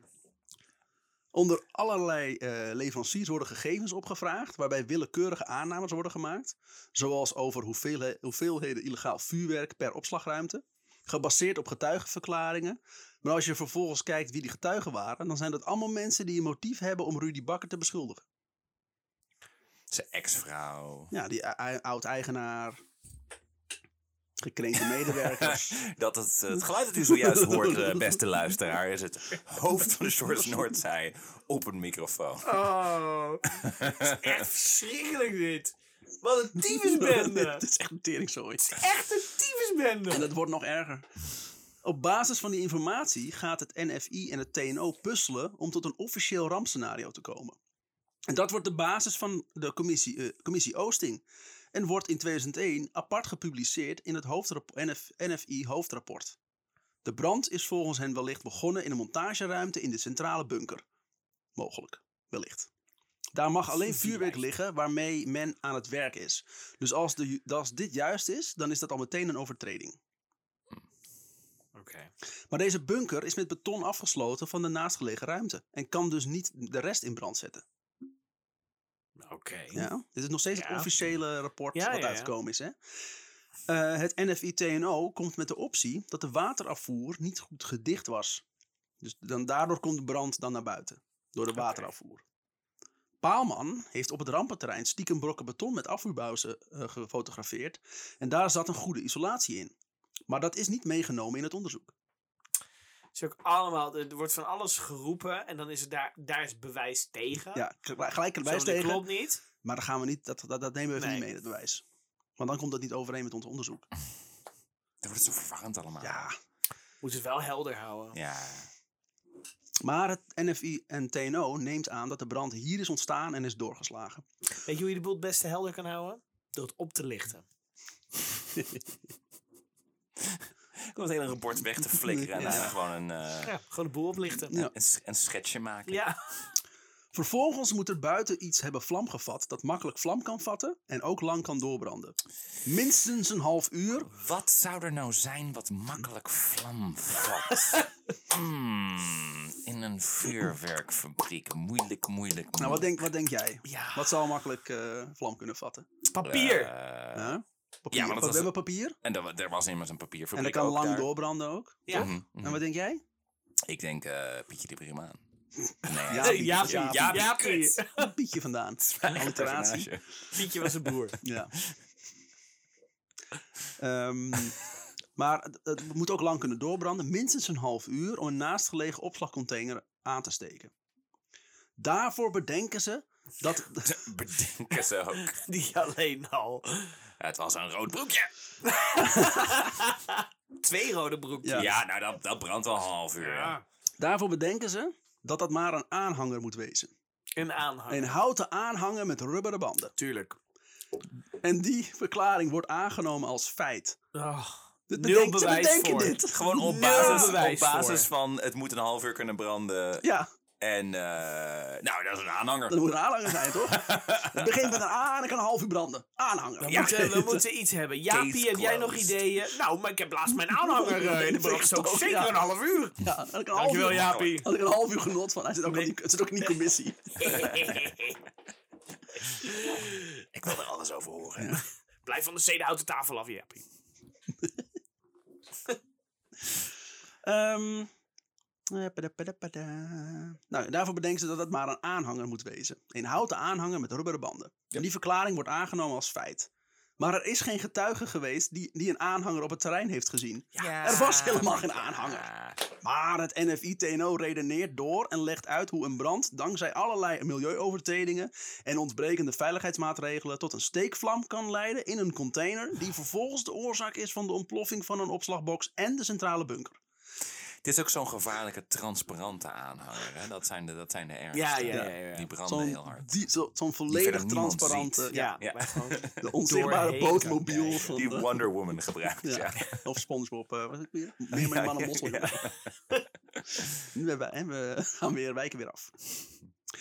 Eh, feiten die hier niet bij passen worden genegeerd. Ja. Om maar uit te komen bij de conclusie dat de explosie alleen mogelijk is doordat het bedrijf de vergunningen aan zijn laars lapte. Wie heeft ook feiten nodig? Ja, Ik bedoel, er heeft niemand wat aan. we leven in een post-feiten tijdperk immers. fake news. Dit waarschijnlijke scenario wordt door de commissie Oosting gepresenteerd als een verklaring. Die overigens niet valt te verifiëren, want de Een verklaring. Niet de verklaring. Ja, de verklaring. verklaring. Een verklaring. dus de enige ver- verklaring die we hebben. Die we hebben bedacht, de rest hebben we niet aan gedacht. Deze verklaring valt overigens niet te verifiëren, want de honderden getuigenverhoren moeten geheim blijven. Waarom? Wanneer de rechtbank daar inzage in wil, houdt Remkes van Binnenlandse Zaken dat via de Raad van State tegen. Waarom? Omdat men niet wil, wat erin, eh, niet wil zien dat erin staat. Maar dat, maar dat kan je toch voor getuigen- jezelf niet... ver- Je kan toch niet zeggen, we willen dat zien. Nee, mag niet. Nou, mag Waarom niet. niet? Eh, Omdat dat niet- dat hoeft niet. Kijk daar! De documenten, de Rijksrecherche heeft al gezegd dat hier niks mis is. Dus die documenten zijn niet relevant. Die hoef je niet in te zien. Nederland heeft een heel groot probleem met eh, inzicht houden van, van documenten. Hè? Je hebt zo'n wet dat, dat eh, informatie altijd gedeeld moet worden. Maar dan krijgen ze die do- documenten. Bij de toeslagenaffaire was dat ook. Of van die zwartgelakte meuk. Ja, Dit is dit probleem. ja. Ja, maar je hoeft, dat, je hoeft dat niet te zien. Nou, als het niet relevant is, Dus- dan is het toch niet erg ja. als ik er even naar kijk. Nee, dat mag niet. Of je krijgt het wel. maar je krijgt Ik ga gewoon... mijn microfoon opeten. Omdat ik het ook niet snap, zeg maar. Het, het, Ik snap het best allemaal. ja, maar Ik snap jij, best waarom ze het allemaal doen. ja, maar jij bent een kamper. Ja, Ja. Zo gaat het in kampen ook. Dus Wat? precies hoe het in kamper gaat. Ja. Er is weinig kampen meer over. Er waren 25 vuurwerkfabrieken. Ja, En één sigarenfabriek. Die Alleen is mijn huis is over. Er stond, ja, er stond één huis omringd door vuurwerk. Exact tegenovergesteld en dan in Enschede. Daarom staat alles nu op wieltjes. En toen vond eh, de vuurwerkfabrieken vonden het eh, niet, eh, niet logisch dat er een huis stond in de omgeving. Dat is veel te gevaarlijk. Want daar zou misschien wel een, een, een frituurpan in de fik kunnen vliegen. Ja, ja. Er is ook op een gegeven moment brand gekomen en ze wilden ingrijpen, maar het was zondag. Ja. Mocht niet. Waarschijnlijk heeft, Ah, ah. waarschijnlijk heeft Nou, God maar dit zo bedoeld. Dus Ja. ja, hè. Jezus. Maar wat nou als de aanhanger niet bestond? Dat de waterleiding wel goed branddicht was. Of als explosieve stoffen door brand en bluswater zijn verdampt en in de lucht een stofexplosie hebben veroorzaakt. Ja, Dan nou valt het hele bewijs weg. Ja, ja, ja, als. Wat Als, als, als, ja, als, nou. mijn tante een piemeltje had gehad, was mijn oompje geweest. Daar Nou. heb ik toch allemaal geen informatie aan. Dat stond ook zo in het officiële rapport. Ja. Ja, als, Als, als. als tante Piemeltje had gehad, dan was het mijn oompie geweest. En daarna een emoji van een middelvinger. Ja. Ja. Paul concludeert dat het hoofdrapport in opdracht van justitie is geschreven om te dienen als bewijs tegen twee reeds aangewezen schuldigen. Dus we hebben het schuldigen, moeten nu het bewijs krijgen Dus, eh, om, ze, om hun te, te ja, er Er zijn vervolgen. twee schuldigen. Ja, dat, eh, Willy Pater en Oh, Rudy Bakker. Ja, ik dacht, eh, oké. Oedie. Daar is hij. Het is zelfs zo Ik heb hem net een keer overgeslagen. Ja. Het is zelfs zo dat twee weken na de ramp de teamleidster milieu van het tolteam al schrijft dat het tolteam, het OM, de technische recherche en het NFI hun reconstructies op elkaar moeten afstemmen om, zo te- om ze te kunnen, quote, koppelen aan de vergunning en om alternatieve theorieën uit de pers zoals een stofexplosie te kunnen ontkrachten. Lukt dit ons niet, dan zitten we zo meteen op de zitting met een tiental verklaringstheorieën voor de ramp en kan er maar één uitspraak komen, vrijspraak. Dus ze hebben samengewerkt. De rechter weet dit niet en gaat ervan uit dat het hoofdrapport door onafhankelijke wetenschappers is opgesteld. Maar ze hebben gewoon samengewerkt. Tuurlijk. Telkens, telkens Als er goede argumenten worden ontdekt om de veroordeling van Bakker te betwisten, blijkt dat de hogere rechters het explos explosiescenario van justitie aanneemt als feit. De ontploffing zelf is het ultieme bewijs tegen de directeuren. Wie, wie heeft er gefaald? Volgens Paul is dat de overheid zelf. Verschillende mini- ministeries lagen met elkaar in de clinch over wie er nu eigenlijk gaat over de regels voor vuurwerkopslag. De gemeente Enschede heeft jarenlang gesjoemeld met vergunningen. De brandweer heeft verkeerde blusinstructies meegekregen, waardoor ze vier mensen zijn verloren. Ja. Maar niemand wil de verantwoording nemen. En, ze zijn, en ze zijn op zoek gegaan naar een schuldige. De twee directeuren worden gelijk na de ramp al gelijk neergezet als criminelen. Rudy Bakker ligt na de ramp in het ziekenhuis. De politie weet dit, maar vaardigen desondanks dat toch een internationaal opsporingbevel tegen hem en zijn collega uit. Oh, Wat? wauw. Hij ligt in het ziekenhuis. Fucking Interpol hebben Ja. ingeschakeld. Waar kan die zijn? Het is gewoon nu al, het nu al zwart maken van die mensen. Bakker, Nou ja, en, en ik bedoel... Ik, ik kan me geen scenario voorstellen waarin zij volledig onschuldig zijn hierin. ze hebben zich gehouden aan de wet. Ja, ja. Er zijn, er zijn, er zijn ehm, voorschriften waar ze zich aan moesten houden. Die zijn opgesteld door de gemeente en daar hebben ze zich aan gehouden. Er zijn heel veel mensen in Nazi-Duitsland hebben zich gehouden aan de regels. You know I mean? Ga, je- ga je ze I nu vergelijken met nazi's? Nee, maar om maar even wat te zeggen van... Maar wat, wat hadden ze dan moeten doen? Ja, Is het uber- niet ja, hetzelfde- zodra je in, in de vuurwerkhandel zit, dan is er inderdaad geen ander alternatief. Want die hele handel zit, is volgens mij gewoon fucking gevaarlijk. Inherent. Dus daar is, dus je had überhaupt Maar dan er, er is een wet niet in. die vertelt wat jij moet doen om het veilig te houden. En daar hou je je aan. Het zijn er ook die brandweerlieden Er zijn in, in Amerika hoor je ook veel te Ja, die vaak brand- van die mensen zo volgens de regels mocht dit allemaal. die op die containers zijn gestaan. ja. Die hebben zich aan de voorschriften gehouden die ze, moesten, die, die, die ze moesten volgen. zeg die maar. directeuren doen precies hetzelfde. En die directeuren hebben dat ook gedaan. Dus De Ik- Sackler ik family heeft zich volgens mij ook aan de wet gehouden toen ze de hele wereld verslaafd maken aan opiaten. Dat maakt het nog steeds niet oké. nee, dat eh, eens. Het is niet oké. En ik zeg me, hier maar, niet, Remy's punt is inderdaad dat al die, al die andere mensen eromheen allemaal ook echt extreem corrupt en, en niet oké zijn. En dat vecht ik ook niet aan. Nee. Maar het is niet om te zeggen zo van, oh dat zijn allemaal bad guys, dus die directeuren die hebben verder niks gedaan. Ik denk, nee, nee, dat zijn ook eikels. Nou, ja. Vind ik, vind ik. Bakker wordt voornamelijk eh, neergezet als een illegale vuurwerkhandelaar. Is niet waar. Ja. In privé wordt hij en zijn gezin met de nek aangekeken. Maar juist hij komt in het onderzoek naar voren als iemand die mee wilt werken met justitie. En hij was voor de ramp al bezig met het opruimen van de illegale praktijken van zijn voorganger Smallebroek. En hij heeft al voor de ramp gevraagd om te mogen verhuizen naar een industrieterrein. Maar dat mocht niet van de gemeente. Ah, Oké. Oké. In Den Haag in 2018 reageerden Ronald van Raak van de SP, Kees van der Staaij SGP en Henk Krol van 50PLUS geschokt op het rapport van Paul. Zij willen nu dat de experts hierna gaan kijken en hebben de Kamer officieel advies laten vragen naar het Onderzoeksraad voor Veiligheid. Maar die heeft het verzoek echter om onbegrijpelijke reden afgewezen. Natuurlijk. En zo zijn we 22 jaar verder. En loopt het onderzoek naar de ramp op die zaterdag in mei 2000 nog steeds. Jezus. En het lijkt erop dat we er nooit gaan achterkomen wat er die dag precies gebeurd is. Nee, want daar doen ze alles aan, inderdaad. Dit kunnen ze nog decennia lang uit, eh uitsmeren. Nou, het lijkt me heel duidelijk dat er mensen schuldig zijn. Dat zijn de mensen die alles nu in een doofpot aan het stoppen zijn. Ja, want het gaat, want dat, dat is het punt. Het gaat helemaal niet per se meer om Enschede. Het gaat om de vuurwerkindustrie, handel, hoe je het dan ook wil noemen. In de breedste zin des En woords. het gaat niet eens meer om de vuurwerkhandel. Het gaat erom dat er, dat er ministeries zijn die verantwoordelijk moeten, verantwoording moeten nemen. En Ja, dat willen ze tuurlijk. niet. Tuurlijk. Het gaat niet eens meer om de vuurwerkhandel. Dit is eigenlijk heeft de vuurwerkhandel niks meer met het verhaal te maken. Dit is puur, er is iets gebeurd.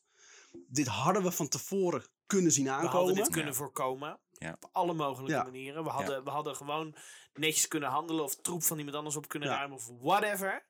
Maar En dan ook nog dat je, dus, dat je zoiets hebt als onderzoekscommissies. Hè? Dat zijn dan van die, ja. van die officiële dingen die je eens op tv ziet. Dat je denkt, nou, dat is goed geregeld. Maar die, maar die kijken dus ook alleen maar naar, naar informatie die voor hun uitkomt. Om, Ja. om zo het, eh, het gewenste resultaat te krijgen. En, en feiten die dat tegenspreken, die worden gewoon genegeerd. Hey, en die, ehm, André. die, ja, die Toch? de Vries, hè? Dat wilde ja, ik ook ja, weten. Ja, ja, die André de Vries, zeg maar. Die is, eh, eh, die is dus opgepakt voor brandstichting. Die, Ja. is, die heeft de schuld in schoenen gekregen. Je zegt dat hij in 2013 is overleden. Ja. Je zegt van gebroken. Weet je, weet je, ik bedoel, had hij psychische problemen? Heeft hij? Weet- we- Wat weten we over die man? Eh, hij heeft vastgezeten een jaar, hij heeft een jaar of twee vastgezeten. Eh, daarna is hij altijd aangekeken als de man die dit heeft veroorzaakt. Ja. Net zoals dat Rudy Bakker dat heeft met Ja. eh, dat hij wordt aanges, eh, uitgescholden als moordenaar. Dat had, hij het ook, had hij ook. En hij is gewoon. Hij heeft ook het idee eh, gehad dat, ehm, dat de hele wereld tegen hem was. Want hij kon het ook niet verder bewijzen. Hij was ook een beetje een rare man. Hij, heeft, hij stichtte ook brand in die auto. Ja. Ja, hij was een beetje pyromaan. Ja. Ze hebben hem wel, zeg maar, ze hebben wel een figuur uitgezocht als ze Ja. het op hem Ja. geschoven hebben, want er is natuurlijk geen bewijs. Er is geen bewijs dat hij het niet heeft gedaan, geen bewijs dat hij het wel heeft gedaan, toch? Volgens mij. Er is geen bewijs dat hij het heeft gedaan. Ja. Nee. Er is sterker Ja. nog bewijs dat hij het niet heeft gedaan, want Ja. hij was daar helemaal niet aanwezig. Dus innocent till proven guilty. En alles- alles- innocent. Ja, nee. alles alles eh, hing ook vast aan eh, dat het feit dat hij een rode broek aan had. Ja. Ja. Dat, was, dat was de smoking En gun. het was dus al, zoals jij het ook zegt, een beetje een vreemd figuur. Ja. En hij heeft dus brand gesticht in een auto twee maanden later. Dus dat was genoeg om maar deze man als Ja. schuldige naar voren te schuiven. En hij woonde in de buurt van de fabriek. Ja. Hij woonde in Enschede, dus Ja. dan woon je al gauw in de buurt van de fabriek. Ja. Ja, het is Ja, echt- ik moet wel zeggen, was dat Rudy Bakker nou waar je later ook nog over, eh, ook nog over vertelde? Dat, want zij waren natuurlijk, die twee directeuren hadden Ja. net de zaak overgenomen volgens mij. twee, toch? twee Vrij- jaartjes. Twee jaar ervoor. Ja. En hij, had, hij voelde dus al aan van dit is eigenlijk helemaal niet veilig en we moeten hier Ik dus iets aan weg. doen. Dus dat ja, is die tijdelijke vergunning die ze ook hebben gekregen. Omdat Oh, ze ja. toch eh, weg zouden gaan. ja, wat Maar de gemeente heeft heel lang die verhuizing tegengehouden. Ja, Waar- om- waarom- waarom zou het dat bij precies? Enschede komen of zou het dan echt weggaan bij Enschede? Dat Ja, is dus de vraag. Want-. Want eh, als het. eh, Volgens mij wilde hun- hij in Enschede blijven, want Rudy Bakker is eh hout van de stad Enschede. Hij woont er nu zelf ook nog steeds, terwijl iedereen hem een aankijkt, aankijkt met zijn nek. Ja. Dus hij had hij dat wel in Enschede willen houden. Maar vanuit de gemeente zou het dan inderdaad zijn werkverschaffing, economie, Ja. bla bla bla bla bla. Mm. Ja, en heel fucking vuurwerk. Nou ja, we hebben het al gezegd. Maar de, eh, Ja. ik, ik, Ongeacht wat je ik- vindt van vuurwerk, eh, is, hij toch, is hij gewoon onrecht aangedaan. Ja. En mensen aangekeken als, als enige schuldige, dat ook nog is. Ja. Want eh, gemeentes en brandweermensen kunnen niet vervolgd worden, want kutwet. Ja. het is gewoon in Ja. de bureaucratie zijn deze mensen zijn gestorven door fouten binnen de bureaucratie en er niemand durft te zeggen wat daar gebeurd is. Ja. Of dat er een fout is gemaakt. Ook omdat mensen inmiddels, denk ik, ook in hun eigen ge- leugen zijn gaan geloven dat ze niks fouts hebben gedaan. Nou, en die burgemeester is daar een groot voorbeeld van. Ja, Ja. En ze hebben zoveel bullshit op bullshit gestapeld uiteindelijk. Ik vond het bij Vlagen ook echt moeilijk te volgen, dit Ja. verhaal. En by design, dat doen, dat doen ze Ja. nou helemaal expres. Zo van elk klein regeltje van, ja, maar dat mag net niet. En dit mag wel, maar dat mag je dan niet delen. En ja, we weten niet of dit oké is. En wij moeten dit dan controleren. En de mensen die dat kon- moeten controleren zijn dezelfde mensen die, die die beslissing destijds hebben Ja. gemaakt.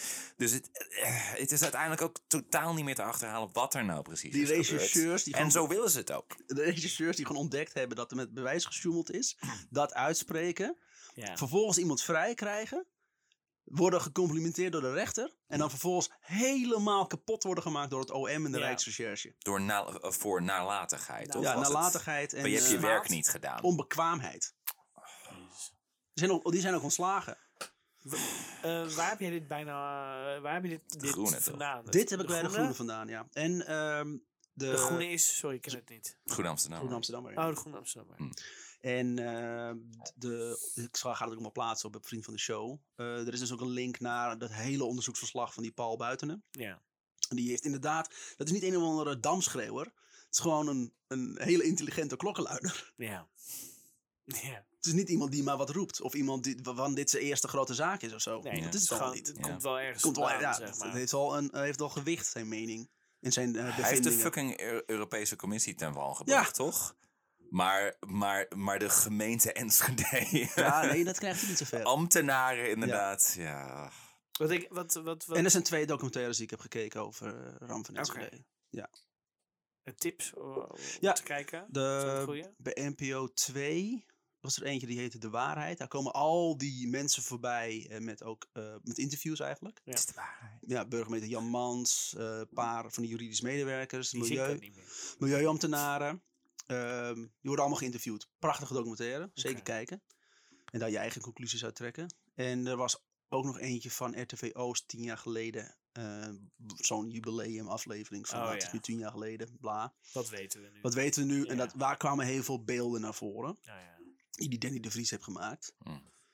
Ja, die, ja, die, ze zijn gewoon. Ik heb, ze, ik heb ze al honderden keren gezien, die beelden, maar ze zijn zo, het is zo onwerkelijk. Ja. Als je die tweede explosie. Die, die, die- met, die, e- met die tweede explosie denk je al, wow, dat is veel. Maar die derde is echt. eh, Gestoord, hè? Ja, ik, je zie- ziet- ik je hebt ook een filmpje. Ik weet dat ik het destijds gezien heb. Ik, heb het nog, ik zie het nog steeds voor me. je, hebt, dat- je hebt ook een filmpje waarin daar zie je de drukgolf door de straat heen gaan. Oh shit.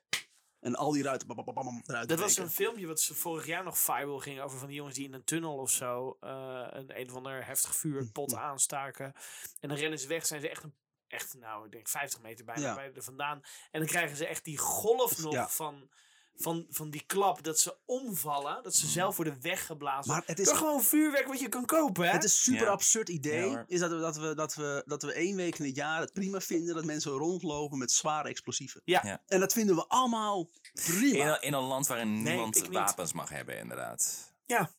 En terecht. Dat, dat was dat niet dat zou er ook nog eens bij komen. Dat je een beetje AK-47 met Nee, nee, precies. Maar daar zijn we het allemaal over eens. Van, Nee, dat mag niet, want dat is super gevaarlijk. Maar inderdaad, één week in het jaar dat we zeggen... Ja, En- feest. En wat ik dus ook niet Ah, wist, is die, dat, dat dit pas sinds 1970 het normaal is in Nederland voor particulieren Ja. om vuurwerk af te steken. Ja, dat wist Ja. ik al wel inderdaad, dat het zo vroeg was. Maar, eh, en, ook, en, voor, en de afgelopen jaarswisseling, nou, wij waren samen met de Ja. jaarswisseling, Mm.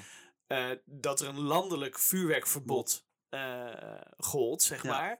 Een heel en, Alkmaar en wij hebben een, we hebben een, een prachtige vuurwerkshow gezien. Ja. En ja, het zag er mooi uit, eerlijk is eerlijk. Maar er is landelijk gewoon knijtershard scheid gehouden. Ja. En dus, hè, zo'n jongetje met zo'n Ja. klaphamer eh, omgekomen. Wat volgens mij dan weer niet illegaal was ook. Maar- Nee, is niet illegaal, maar gewoon heel dom.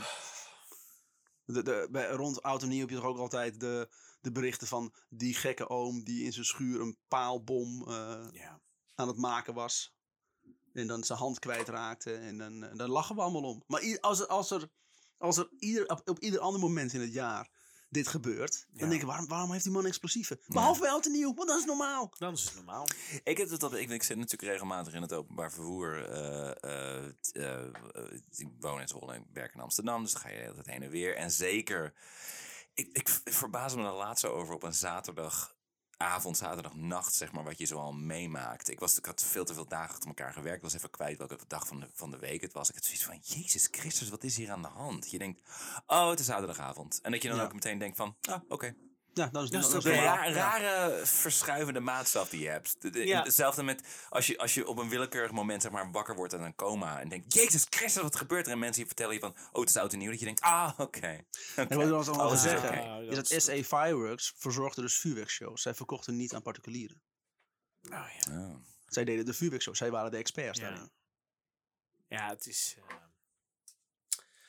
vuurwerk moet gewoon niet verkocht worden aan particulieren. Dat moet je over, overlaten aan Ja. professionele bedrijven die er verstand van hebben. En je moet niet in een woonwijk een opslag hebben. Je moet Dat is het enige wat je überhaupt niet zoveel vuurwerk bij elkaar op Kan wel, maar, Want de maar conclusie is dat er geen veilige manier is om dat te doen. ja, niet in een container, want dan kan die lucht nergens heen. Ja. Je moet ze altijd Ja, open je, moeten je hebt dus hier, Of in in, je had kleine dus hier in had je Ja, een, een kerel die het in zijn schuurtje deed. Ja, En ik Ja. weet, weet zeker dat er meerdere mensen zijn in, in één stad alleen al, of in Ja. een woonwijk alleen al, die voor duizenden euro's aan, aan vuurwerk in hun schuur hebben liggen. We gaan een hoop uitkeringen op En het is vuurwerk. niet te handhaven ook natuurlijk. Ik bedoel, je kan niet ieder huis afgaan en kijken wat ze in de schuur hebben liggen. ja nee. Dat kan niet. Het gaat, Dat is moet gewoon langzaam uitfaceren dat het niet, het Als mensen dat niet kunnen kopen, is. dan ja. niet meer kopen, Ja. illegaal maken. Je mag het niet, eh, en inderdaad rond oud en nieuw gewoon eh, grenscontroles doen. Ja, Ik Nederland ook zeggen, geen is meer. veel dus te dat is een beetje- makkelijk om, ja. Maar gaat dat gebeuren? Nee, Gaat de politiek niet gewoon weer zeggen, jongens, hey, dat gaat de VVD Nou, niet de, willen doen. de, de Nee. Dat moet controles, het volk zelf maar oplossen. controles op vuurwerk. What are we, the government? ja, maar echt. Nou, de controles voeren ze nog wel uit. Ehm, er, er zijn alleen geen wetten voor. We hebben het zogenaamd het illegale vuurwerk wat je niet mag hebben, wat Ja. vaak uit Duitsland komt. Ja. Eh, Toch weer maar, Duitsland. die, maar er is toch ook gewoon wetgeving dat er geen vuurwerk wordt mogen, mogen afgestoken worden met de auto nieuw nu. Ja, je mag, het eh, vuurwerkverbod is er. je mag pas Ja, eh, dat was- vanaf eh zes uur s'avonds of zo vuurwerk afsteken Ja. of zoiets. Ja. Dat is Sommige steden doen echt vuurwerk verboden, mag niemand afsteken. Punt. Oh ja? Ja. Ja. Wauw. We moeten FVD daar boos over zijn. Is de FVD er Goh, boos over? vast BVV sowieso. Dit zijn echt hun issues. Ik zal het even vragen bij de volgende vergadering. Ja. oh, maar eh dankjewel dankjewel voor dit verhaal, Remy. Dank Ik je ben wel. weer Is dat geworden. echt? Is Ja. dat het woord wat je Want wil ik ben weer wijzer geworden en ik sla hem zo meteen naar elkaar. Ja, ja, terecht. Ik wilde dat dus ook heel lang doen. Ja. We gaan Remy zo... zo Maar ik bleef meuk ontdekken. En ik dacht, oh, Jezus Christus. we gaan Remy zo dadelijk vullen op. met vuurwerk. Ja, Ik, ben nogal op, ik heb ook een opvliegend karakter. Dus en dan rollen we hem in een container. alsjeblieft, alsjeblieft, lieve mensen. Ah, vreselijk, Remy. Maar het, was- we hebben er zelf om gevraagd, een soort verhaal. Ja. Maar we hadden geen keuze. Nee, dat was hem want Tim die kon eh, zijn verhaal. Oh, nou is het mijn schuld. Jezus. Schuld ligt nu bij iedereen. Ja, het is Ik ben de essentie, André de Vries van deze situatie. Ja. het is de essentie van dit verhaal. Inderdaad, dat de schuld bij iedereen ligt. Ja, Of misschien is het wel een mooie subtekst van goede ouwe. Goeie ouwe, de schuld ligt bij iedereen. schuld ligt bij iedereen. Alle mensen zijn kut. Hey. Ik zie een t-shirt. Eh, nou, tot volgende week. Tot volgende week, lieve mensen.